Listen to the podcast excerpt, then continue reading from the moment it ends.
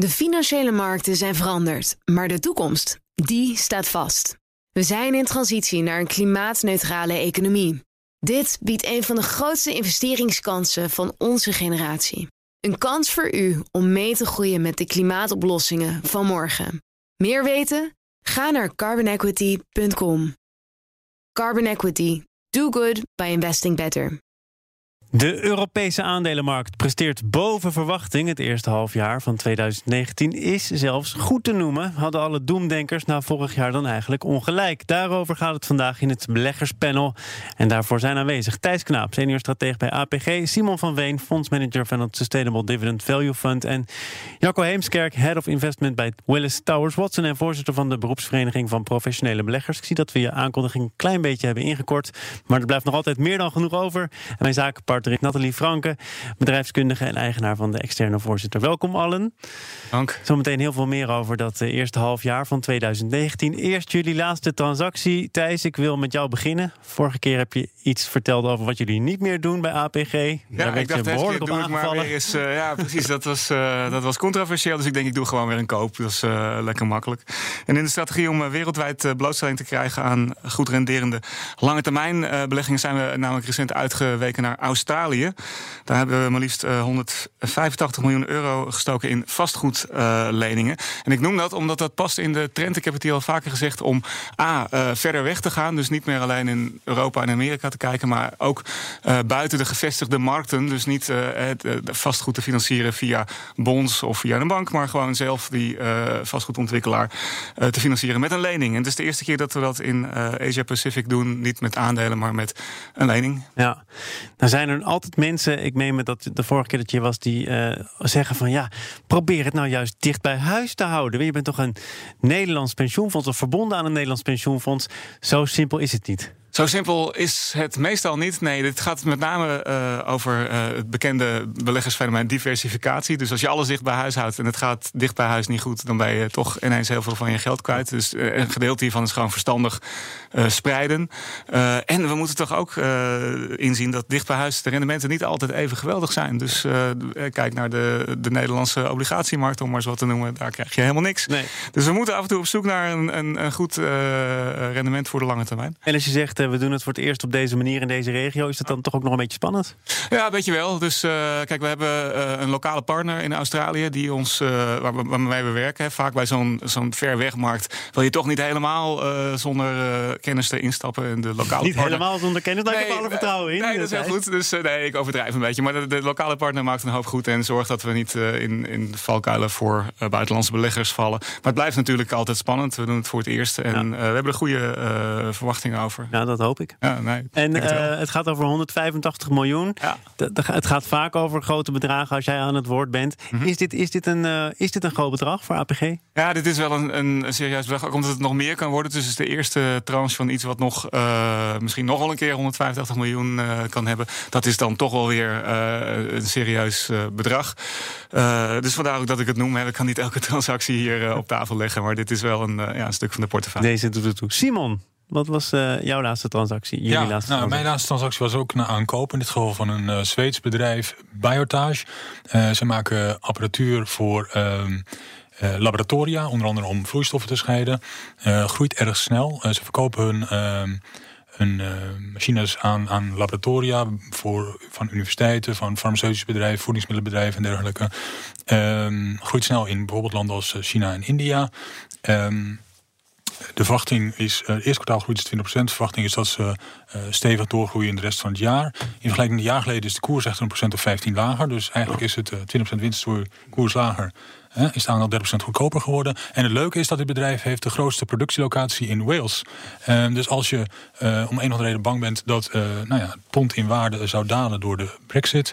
ehm, dan heeft dit bedrijf er een eh, voordeel bij. Want Ja. de kosten zijn in ponden en de opbrengsten in euro of dollar. Hebben jullie goed over nagedacht? Of dat heb je echt meegenomen in je overweging?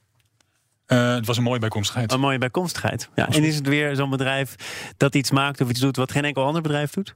Nou, er zijn meer bedrijven die, die, die iets vergelijkbaars doen. Maar eh, omdat hun product toch beter is dan gemiddeld, groeien, ja, groeien ze in marktendeel. Jacco, jullie laatste transactie? Ja, ik denk het toch wel goed is om, uh, om uh, luisterend naar mijn uh, beide companen die zeggen: je moet wat zien te vinden waar ook rendement op zit en niet al te veel risico. een enorme trend die we de afgelopen jaar hebben is gezien dat grote institutionele beleggers beleggen in bijvoorbeeld aandelen, maar dan passief. Dus grote volumes tegen hele lage prijzen. En op zichzelf gezien, daar zit, daar zit wat in. Maar tegelijkertijd weten we natuurlijk ook dat er beleggers zijn die het langjarig gewoon beter doen. Je moet ze zien te vinden. Je moet er toegang toe hebben. Uh, en je moet erin kunnen beleggen. Hè? Dus dat, dat kan. Dus ik vind het wel leuk om te melden dat in ieder geval een van onze pensioenfondsklanten een uitbreiding heeft gedaan, juist weer in die actieve allocatie. want ja, en daar kun je meer vinden. Blijft het zo vaag als jij nu zegt? Een van onze. Dat klopt, ja. En waarom eigenlijk? Is dat gebruikelijk? Ja, ik denk niet dat je pensioenfondsen bij naam en toenaam... of je klanten bij naam en toenaam zou willen noemen. Nee. Maar je hebt nu het fonds niet genoemd en ook niet genoemd... waar ze dan in beleggen, actief? Nee, maar ze, ze beleggen in een aantal uh, actieve pensioenfondsen. Of in een aantal actieve fondsen, niet in eentje. Dus dat wordt, uh, dat wordt een reisje daar. Dat, uh... Maar je ziet dus een, een, een soort trendbreuk. In ieder geval, er gebeurt weer iets. Er gebeurt wel iets, ja. Want het is, het is ingewikkeld om rendement te vinden. Dus je moet je best doen. En dit is een manier om het wel te vinden. Goed. Er gebeurt uh, zeker iets. Laten we het hebben over de Europese aandelenmarkt in 2019. Stijgt, zou je kunnen zeggen, boven zichzelf uit. De AEX alleen al staat 15% in de plus. Terwijl vorig jaar, zeker het einde van vorig jaar, werd er nog gevreesd voor laagconjunctuur. Het zal allemaal minder worden.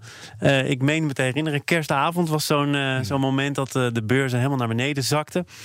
Um, Jacco, laat ik het aan jou vragen ten eerste.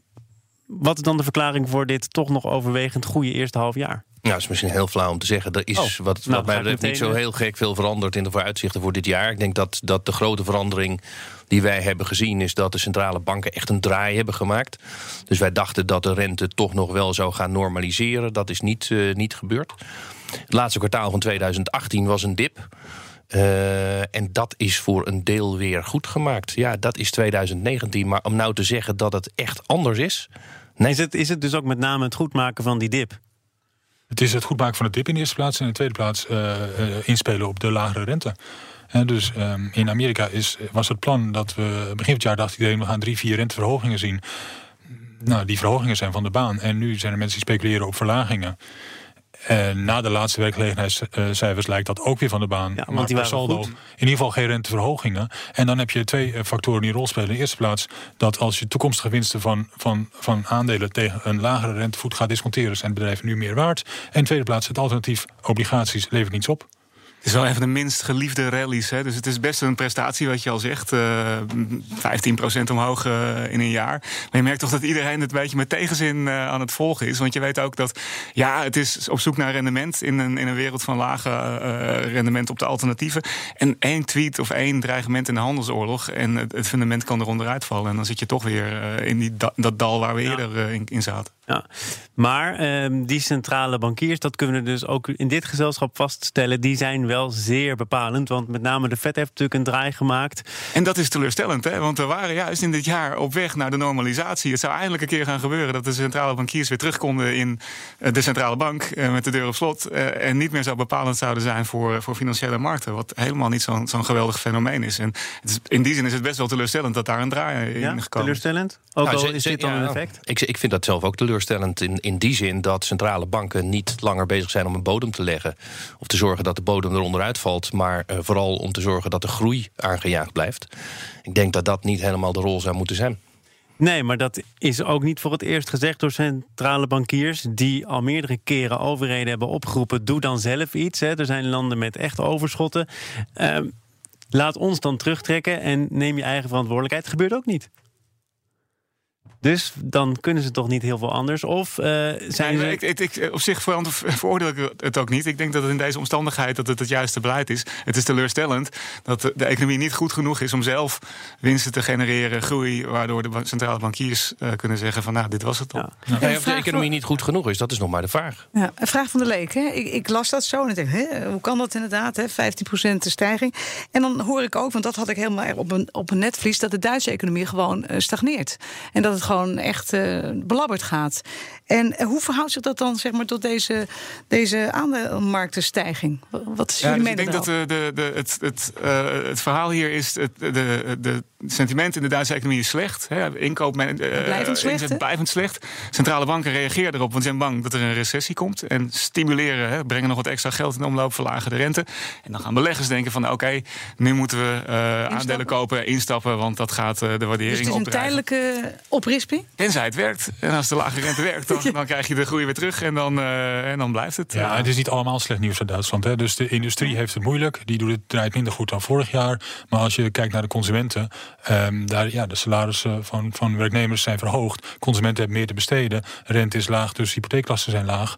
Um, eh, met de consumenten gaat het helemaal niet zo slecht. En ook in de dienstensector gaat het niet zo slecht. Mm. Dus, um, het maar is, die Duitse autobedrijven bijvoorbeeld, die staan ja, die vallen, die vallen onder de industrie. En, en die heeft het met name doordat hè, de industrie heeft het moeilijk. Doordat de autoverkopen wereldwijd terugvallen. Dat nou zegt uh, Thijs één schijnbeweging, één tweet en de wereld kan er weer anders uitzien. Is het zo kwetsbaar, zo volatiel ook? Nou, ik denk niet dat de hele wereld er anders uitziet, maar de beurs uh, gaat wel, uh, kan heel snel reageren op één tweet. En ik denk dat dat is, is dat hysterischer dan anders? Of is dat. Uh... Nee hoor, nee, volgens mij is de volatiliteit niet uh, extreem hoog in vergelijking met andere jaren. Hij was, hij was heel laag, zeg maar, tot een jaar geleden. Uh, en nu is hij iets omhoog, de volatiliteit. Nou, je zag ook een beweging uh, toen bekend werd dat Christine Lagarde waarschijnlijk de nieuwe president van de Europese Centrale Bank wordt. Jacco, wat is jouw eerste reactie daarop? Nou, ik vond het in ieder geval verrassend. Uh, dat is een zuinige constatering. Ja, dat is een zuinige constatering. Ik, ik, ben er niet onmiddellijk op tegen. Ik heb een kanttekening. Het is niet een, iemand met een achtergrond als centrale bankier. Uh, maar wel iemand uh, die op het wereldtoneel echt een rol heeft gespeeld, die de verantwoordelijkheden kent. Uh, die wat mij betreft ook wel een figuur is om naar op te kijken. Wordt, wordt wel vaker gezegd, ook door echte economen, die zeggen: ja, de monetaire ervaring van Christine Lagarde laat de wensen over. Ze is al ja. best wel lang topvrouw van het IMF. Verkeerd al, ik weet niet hoe lang in kringen met mensen die toch ook heel veel verstand van die zaken hebben. Ook wel een beetje flauw hoor, alsof de centrale bankier zelf uh, op zondagmiddag uh, in de studeerkamer het monetaire beleid gaat uh, bepalen. Dat, die heeft een geweldige staf om zich heen. En de, de skills van de, van de top moeten juist zijn om het goed te kunnen verkopen, denk ik. Ja, ik denk ook dat zij in dat, op dat internationale speelveld juist heel goed tot de recht zou moeten kunnen komen. Maar, maar wel bijzonder om te zien dat er weer iemand uit Zuid-Europa is. Ik denk Frankrijk maar even gemakshalve tot Zuid-Europa gezien de schuldpositie van het land. Um, en, en, en, ja, dat is toch eigenlijk niet waar, waar Duitsland en ook Nederland op gehoopt hadden. Nee, maar het is, een, het is een goede kandidaat en je mag toch ook wel voor kwaliteit gaan. We hebben het uh, gehad over het eerste halfjaar van uh, 2019. Nog even afsluitend dit deel met een uh, cliché, hè, want het is nu volop zomer. Sell in May and go away, but remember to come back in September. Gaat er de komende maanden niet zo heel veel gebeuren? Moeten we heroverwegen of we dit panel in de zomer wel in stand houden? of uh, gaat dit al lang niet meer op? Simon? Nou, als je in mei verkocht had, had je de rally van juni gemist. Dat ook. Ik geloof dat het FD wel eens heeft uitgezocht dat je beter in juli uh, uit kunt stappen en dan in oktober weer terug kunt komen. Maar is het wel zo dat het allemaal wat, wat slapjes wordt nu, denk jij, Thijs? Ja, we zaten net nog even te kijken naar de volumes. Want wij dachten ook, zou het nou uh, wat minder zijn in de zomer? En die blijken nog wel redelijk op, uh, op niveau te liggen. Ik denk dat vroeger mensen echt op vakantie gingen en de markt dichtging. In deze tijd lijkt die, die seizoenseffecten zijn volgens mij groot, grof overschat. Ik zou er niet te veel op uitdoen. Goed, nou dan zorgen we gewoon dat er volgende week weer een beleggerspanel is. Maar eerst. Deel 2 van dit panel. China lonkt naar Nederlandse beleggers, maar zit die Nederlandse belegger daar zelf dan ook op te wachten? Daar hoor je zo meteen meer over. In BNR Zaken doen is het beleggerspanel te gast. En dat bestaat deze week uit Thijs Knaap, senior stratege bij APG... Simon van Veen, fondsmanager van het Sustainable Dividend Value Fund... en Jacco Heemskerk, head of investment bij Willis Towers Watson... en voorzitter van de beroepsvereniging van professionele beleggers. Mijn zakenpartner is Nathalie Franken. We gaan het hebben over beleggers die steeds strenger worden... voor de top van Nederlandse beursgenoteerde bedrijven. Zeven van de ongeveer duizend voorstellen bij jaarvergaderingen werden afgekeurd... en nog eens zeven werden ingetrokken. Dat is een ongewoon hoog aantal blijkt uit een analyse van Eumedion, de belangenbehartiger van institutionele beleggers, zoals pensioenfondsen en verzekeraars. Jacco, weer bij jou beginnen. Kun je dit zien als het opvoeren van de druk? Mm. Nou, ja en nee. Eerst maar eens even zeven. Is dat een ongewoon groot aantal? Zeven op duizend voorstellen. Vraag. Ja? Nou, dat valt echt nog wel mee. En als je dan kijkt uh, waar die voorstellen over gaan, dan gaat het voor een groot deel over uh, uh, aandelenemissies waar zittende beleggers niet noodzakelijkerwijs dol op zijn. En het ging het afgelopen jaar dan om ING om de decharge van de Raad van Bestuur en de Raad van Commissarissen. En dan gaat het over beloningsbeleid onder andere en, en de houding ten opzichte van dat witwasschandaal, hoe daarmee omgegaan is. Ja, dus als je het nou hebt over de aantallen aan zich, dan denk ik uh, dat zegt nog niet zoveel. Maar wat wel echt een trend is, is dat het uh, actief aandeelhouderschap, dus de, zeg, de zeggenschap die een aandeelhouder heeft, dat er veel meer gebruik van wordt gemaakt. En dat kun je op allerlei manieren zien. Grote institutionele partijen maken echt gebruik van hun recht. Denken na over uh, de salarissen van topondernemers denken na over ESG-aspecten en hoe ze dan ook moeten stemmen. Maar nadenken wil nog weer iets anders zeggen dan per definitie afkeuren. Want je geeft net zelf aan, in de context van die duizend voorstellen valt die zeven wel mee. Overigens moeten we daar dan voor de volledigheid wel bij optellen. Zeven uh, voorstellen die niet eens in stemming worden gebracht. En die al van tevoren worden ingetrokken. Ja, dus weinig plus weinig is weinig. Uh, dus daar, daar word ik, niet van onder de indruk. Wat ik interessanter vond in het rapport is om te zien dat het aantal dissident votes, dus het aantal voorstellen waarin toch een grote minderheid tegen is, dat dat toeneemt. En dat geeft aan dat er wel degelijk zeg maar, betrokkenheid is van die aandeelhouder. Ja. Ik hoop dat het misschien een beetje geflatteerd is. Want er is wel een verschil tussen bedrijven die voorafgaand aan de aandeelhoudersvergadering communiceren met de belangrijkste aandeelhouders en bedrijven die dat niet doen. Nee, je kan op je vingers natellen als je het zomaar op tafel ligt. Dan is de kans dat er tegengestemd wordt groot. Als je mensen van tevoren de gelegenheid geeft om hun mening te geven. Ja, Beetje immasseren. Dan, ja, maar of misschien trek je het wel terug. Hè. Dus maar in ieder geval, dan hoeft het niet meer tot, uh, tot een ontknoping te komen tijdens de, tijdens de vergadering. Ja, maar uh, weinig plus weinig is weinig. Ja. Is dat ook jouw rekensom? Nee, het is niet veel, maar het was nooit veel. Het is, het, het, is, het is wel meer dan het was. Dan kan je het ook bekijken. Dus ik herken wel het beeld van de, de actieve belegger. Dat doen we zelf ook. Dus we, we worden ook door onze pensioenfondsklanten gevraagd om uh, niet alleen naar rendement en dat soort dingen te kijken, maar ook naar maatschappelijke sensitiviteit. Nou, dan merk je dat het voor bedrijven soms best nog wel lastig is om het in te schatten. Wat dus is nou maatschappelijk sensitief? Ja, nee, exact. Dus, dat, dus, en, dus om daarachter te komen is het, en ik herhaal het nog maar een keer, belangrijk om van tevoren uh, met ons en de andere beleggers uh, te praten. Ja. Dan weet je of iets sensitief is. Of niet. En ik denk dat de echte winst zal zijn dat er gewoon in de komende jaren wellicht minder controversiële voorstellen op de agenda belanden. Omdat bedrijven zelf beter doorhebben dat ja, sommige dingen not done zijn. Dus dan kan je het ook maar beter niet voorstellen. Ja, dus de engagement neemt echt enorm toe. Ja. Dus uh, bedrijven ja. gaan al praten met de ondernemingsraad. Ze gaan praten met NGO's. Ze gaan praten met aandeelhoudersverenigingen. Met proxyvoters. Met al die partijen gaan ze om tafel. En, en institutionele beleggers hebben ook veel meer mensen in dienst... die gewoon fulltime daarmee bezig zijn. Met ja. wat gaan we stemmen en, en, en wat vinden we eigenlijk. En, dat, main, dat was... en, en, mainstream is dit echt wel aan het worden. Hè? Als je de FT ziet, uh, toch een concurrent hier van het huis. Maar die hebben met Gillian Ted hebben die uh, Moral Money ge gelanceerd. Uh, dat zegt bij mij al heel wat. grote pensioenfondsen hebben eind vorig jaar, een stuk of 80 inmiddels, hebben het convenant IMVB, Internationaal Maatschappelijk Verantwoord Beleggen, ondertekend. Europa is bezig met het Action Plan Sustainable Growth. Dus er gebeurt heel erg veel op dit terrein. Denken jullie ook, je haalt het net zelf aan, dat we vaker tafereelen gaan zien zoals bij ING? Het is natuurlijk een echte uitzondering, hè? geen decharge verlenen, dus geen goedkeuring voor het bestuur. Uh, Medion had daar ook nog weer wat woorden voor, namelijk als dat dan gebeurt, hoe moet je er dan mee, omgaan? Hè? Hoe moet je optreden? Hoe communiceer je dat dan het beste? Maar als we toch op verschillende manieren zien dat die druk een beetje wordt opgevoerd, is dit dan een resultante daarvan of is dit echt uitzonderlijk en blijft dat zo? Nou, ik denk niet dat dit uitzonderlijk is. Ik denk dat het een trend is die zich gaat doorzetten. En dat de besturen ook worden afgerekend. En als dat nodig is, een gele of een rode kaart zullen krijgen. Ja. Simon? Ja, nee, ik ben het uh, helemaal mee eens. Dat uh, dingen als wat ING geprobeerd heeft uh, dit jaar, of wat Shell een aantal keer geprobeerd heeft om zeg maar weg te komen met, met te weinig compensatie naar milieuvervuilende acties, dat, ja, dat zal minder voorkomen in de toekomst. Net zoals de gemiddelde schoolmeester geven we liever geen strafwerk. Hè? Dan hebben we toch iets fout gedaan. Dus uiteindelijk hoop je dat oh. bedrijven zelf aanvoelen wat, wat, wat wel en niet kan. Nou, dat was bij ING niet zo goed gelukt. Nou, dan, dan volgt er zo'n heel uh, spektakel. Maar je hoopt eigenlijk dat dat uh, voor de volgende keer een les zal zijn. Sluiten we af met China, want dat zet de deur open voor Nederlandse beleggers. De Chinese overheid wil zijn financiële markten toegankelijker maken en dus zijn buitenlandse beleggers meer dan welkom. De Chinese premier heeft daar iets over gezegd. Thijs, jij bent uh, enigszins thuis in China. Correct. Is dit een gouden kans? China is, een snel, China is een snel groeiende economie, dat is bijna een tongbreker. Uh, dus per definitie is daar wat te halen voor beleggers. Uh, het grote probleem wat je had met China is dat de markt moeilijk toegankelijk was. De helft van de markt, de, de ene helft staat in Hongkong genoteerd. Daar kan je als Nederlander redelijk terecht in. Uh, China zelf op, uh, op het vasteland uh, was het heel lastig om je geld erin te krijgen. Dan wist je niet wat je moest kopen. En dan was het ook weer lastig om je geld eruit te krijgen. Dus dat was minder aantrekkelijk. Dus dat is typisch een geval van het groeit wel snel, maar wat kunnen we eraan verdienen? Nou, je merkt nou dat de Chinezen bezig zijn om de toegankelijkheid te verbeteren. dat willen ze zelf heel graag. Hè, want ze willen ze niet dat ze om geld verlegen zitten, want Chinezen sparen heel veel. Maar ze willen graag de kundigheid van andere beleggers, niet-Chinese beleggers, binnenhalen. Maar voor de mensen thuis is denk ik wel belangrijk dat het met name nu voor uh, institutionele partijen wordt het makkelijk gemaakt.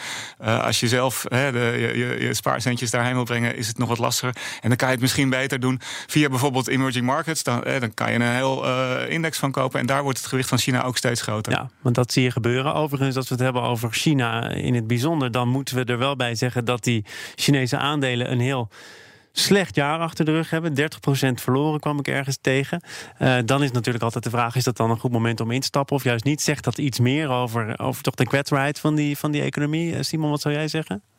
Uh, nou, ik, ik, denk dat het een, uh, op zich een beter moment is om in te stappen dan, dan een jaar daarvoor. En, uh, de vraag is alleen, hoe doe je dat dan? Ik was afgelopen week op een bijeenkomst georganiseerd, Alpha Research, over beleggen in China. Hoe pak je dat oh, aan? Nou. En, en nou ja, goed.